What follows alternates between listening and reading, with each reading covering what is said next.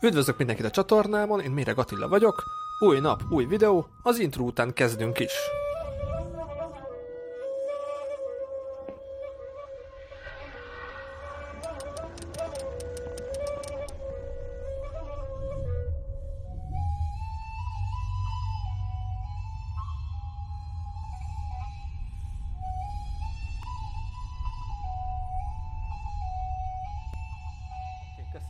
Szia Judy, üdvözöllek a műsorban, nagyon örülök, hogy veled is összehozzuk ezt a beszélgetést. Nagyon köszönöm a lehetőséget, örülök, hogy végre összejött.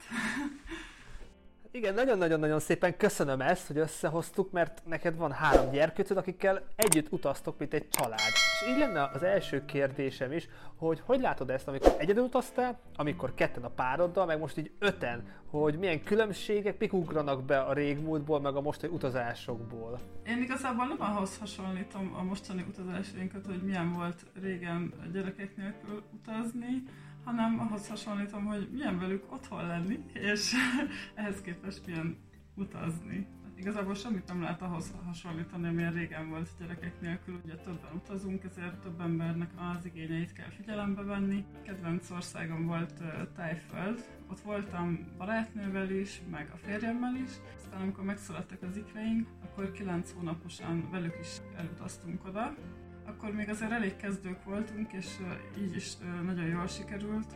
Egy kicsit nyugisabbra vettük a tempót, mert nem tudtuk, hogy milyen lesz majd velük utazni. Viszont mire már megszületett a harmadik baba, belejöttünk, úgyhogy igazából most már ugyanolyan tempóban tudunk utazni, mint régen. Tehát, hogy vannak nyugisabb napok, meg vannak ilyen kirándulósabb, meg aktívabb napjaink. A legnagyobb különbség az, hogy, hogy a gyerekek este 8-kor lefekszenek, és akkor nyilván nem tudunk utána elmenni bulizni, nem mint hogyha amúgy olyan sokat jártunk volna, de, de, de ez fix, hogy akkor ugye elszálláson vagyunk, lefektetjük a gyerekeket, de napközben igazából szinte ugyanolyan programokat lehet csinálni, lehet strandolni, kirándulni, túrázni, város nézni, és még egy dolog az, hogy ugye van egy délutáni alvása a gyerekeknek, és akkor azt, azt is általában ugye úgy szervezzük, hogy a szálláson legyen egy alvás, és akkor előtte meg utána pedig jövünk, megyünk, és, és csináljuk a kis dolgainkat. Nyilván pakolni kell a gyerekeknek is ruhát, pelenket, ezt, azt, azt, de abban is szerintem az embernek nem kell annyit pakolni, mint gondolná. Tehát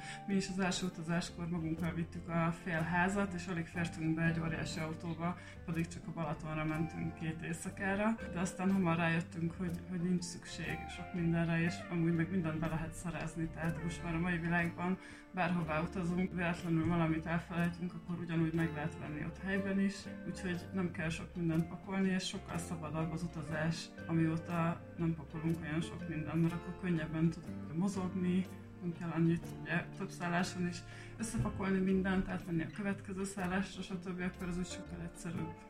Megütötte a filmet, hogy mondtad, hogy kezdők voltatok, meg mindenki kezdő. És ti hogy láttátok, hogy saját tapasztalatból jöttetek rá, hogy nálatok mi működik, vagy blogok, YouTube videók, hogy hogy találtátok meg a saját utatokat, a saját utazási módotokat? A mi környezetünk nagyon ellene volt annak, hogy mi utazzunk kisbabákkal.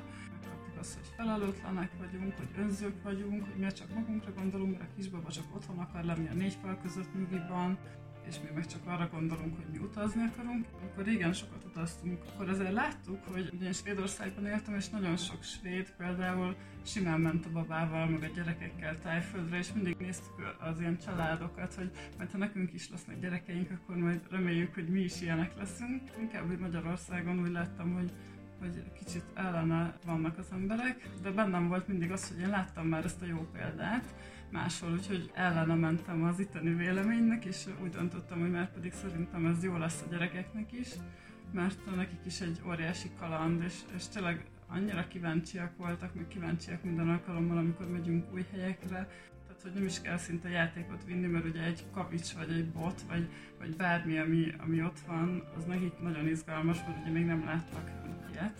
Ez volt az egyik, hogy ugye láttam már külföldi példát, és, és igazából amikor hazajöttünk Tájföldről, akkor rájöttem, hogy, hogy nincs igaza azoknak az embereknek, akik ennyire ellene voltak, és akkor jött az ötlet, hogy, hogy akkor majd én, mert ugye rákerestem ilyen magyar oldalakra, hogy hát van, van már ilyen oldal, de nem találtam, úgyhogy akkor megalapítottam én az utazóanya oldalt, inspirálják másokat is, hogy utazzanak babával is, hogyha szeretnének, mert nincs igaz azoknak, ellene vannak, de sokan emiatt ugye nem mernek belevágni inkább azt szeretném, hogy akkor lássák, hogy, hogy ezt lehet jól csinálni, és hogy mindenkinek nagyon jó, tehát tényleg a gyerekek, a kisbabák is nagyon élvezik. Azóta találtam külföldi blogokat is, akiket követek, most már főleg azért követem őket, hogy lássam, hogy ők milyen országokba utaznak. Tényleg az ember azt hiszi, hogy még egy horvát tengerparti nyaralás is nagyon nehéz lehet gyerekekkel, de annál messzebb, meg annál durvább országokba végképp nem lehet menni, de ez nincs így, hanem tényleg szinte bárhová lehet menni velük. És ahogy így említetted, hogy elindítottad az utazóanyát, képült egy közösség, milyen visszajelzéseket kaptál, akár pozitív, akár negatív értelemben a követőittől, családoktól, szülőktől? Nagyon-nagyon pozitív volt már az első naptól a fogadtatás, és egyből rengeteg üzenetet kaptam, az pont nyáron volt, akkor többen is írtak, hogy szerintük mehetnek-e már a strandra, mert mit tudom én, három hetes, vagy két hónapos, vagy három hónapos a, a gyerekük, és akkor egyből úgy fordultak hozzám, mintha olyan szakértő lennék, és nyilván azért nem szakértő vagyok, tehát most, hogyha orvosilag valami ellene szól, akkor nyilván nem lehet menni, de, de alapvetően egyből nagyon pozitív volt a, fogadtatás, és azóta is sokszor keresnek meg tanácsokkal, meg többször is írnak, hogy milyen jó, hogy van ez az oldal, mert hogy náluk is ez van, hogy a rokonság nem támogatja, hogy utazzanak, és, és ilyenkor feltöltődnek energiával, meg löketet kapnak, meg motivációt, hogy látják, hogy azért ez egy jó dolog. Említetted, hogy követsz más angol oldalakat is, hogyha nézzük a jövőben, milyen országokat nézhetek ki, ahova lehet menni, és melyik országok mondjuk nincsenek rajta ezen a listán, ahova mondjuk gyerkőccel érdemes vagy könnyű elmenni. Olyan országot nem találtam, ahová nem lehet, hiszen azt úgy külön nem írta le senki, hogy ide nem kellett volna menni, tehát olyat még nem láttam, hogy valaki elment volna babával és megbánta volna, hanem nyilván akkor úgy ment oda, hogy előtte az ember azért utána néz, hogy mi vár rá. Ugye még sose voltam Afrikában, de nagyon sok afrikai országot láttam, ahová, ahová mentek már babával, meg kisgyerekkel. Ázsiában is, tehát Dél-Kelet-Ázsia, amik úgymond veszélyes országok, ahová a gyerek nélkül sem mennék, oda nem mennék természetesen gyerekkel sem. Nagyjából szerintem, ha valahová mennék gyerek nélkül, akkor szinte, szinte mindenhová lehet menni gyerekkel is. Amikor ugye egy éve várandós voltam a harmadik gyerekünkkel, és szeretünk volna menni valahová, akkor a Zika vírus sújtotta országokat inkább kizártuk, mert ugye várandósan nem érdemes kockáztatni. Rövid távon inkább azt figyelem, hogy hova lehet menni karantén nélkül, vagy teszt nélkül, meg ahová van is repülőjegy, és nem is törlik a járatot, szóval most egy kicsit nehéz, de, de hogyha nem lenne ez az egész, akkor én ugye tavaly még engem Indonézia nagyon érdekelt, Bali, de nem csak Bali, hanem több része is az országnak. Engem nagyon érdekel Marokkó, Európán belül pedig ugye tavaly szerettünk volna egy ilyen Balkán roadtripet csinálni autóval, amiből végül az lett, hogy csak Montenegróba tudtunk menni, és onnan pedig hazafelé Horvátországon keresztül, mert az összes többi határt lezárták, szóval nem tudtunk átmenni Albániába, mert csak keresztül hajtottunk Bosznián, de nem mehettünk be, szóval igazából azokat az országokat szeretném majd még bejárni. Már ilyen rutinosak vagytok, hogy a három gyerkőccel több országba jártatok, Nektek melyik jött be legjobb, hogy autóval, vonattal, repülővel, melyik, melyik a legideálisabb nektek, pro és kontrát tudsz ezekhez mondani? Igen, inkább az van, hogy mindegyiknek van előnye meg hátránya.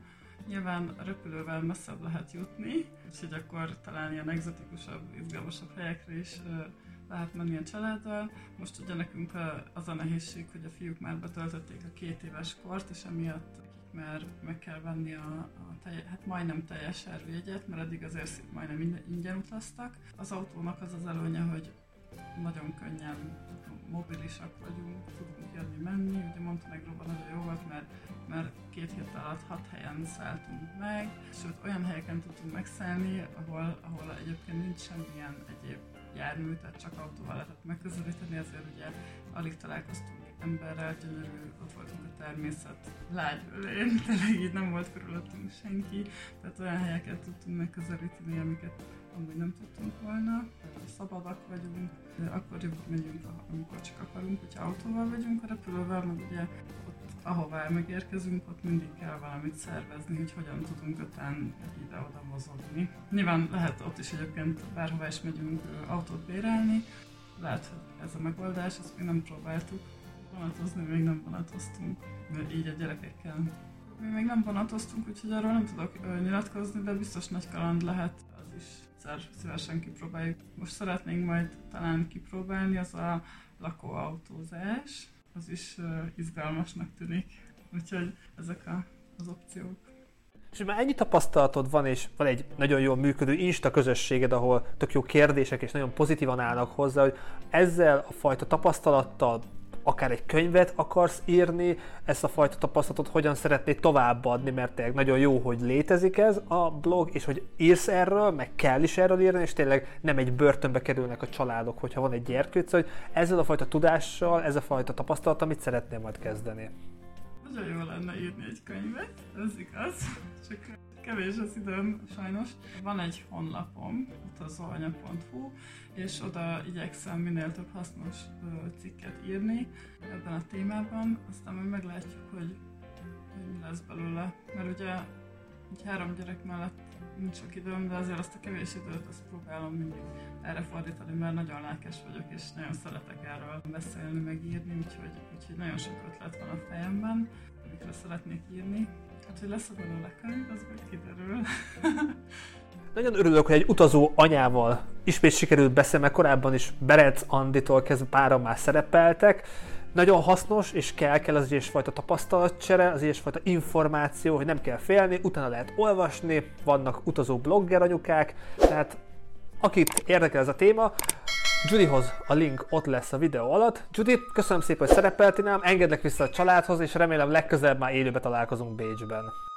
Nagyon szépen köszönöm a lehetőséget. Jó egészséget az egész családnak. Szia! Köszönöm, szia! Köszönöm szépen, hogy velünk tartottatok. Találkozzunk holnap is. Vigyázzatok magatokra, legyetek jók, ha tudtok. Sziasztok!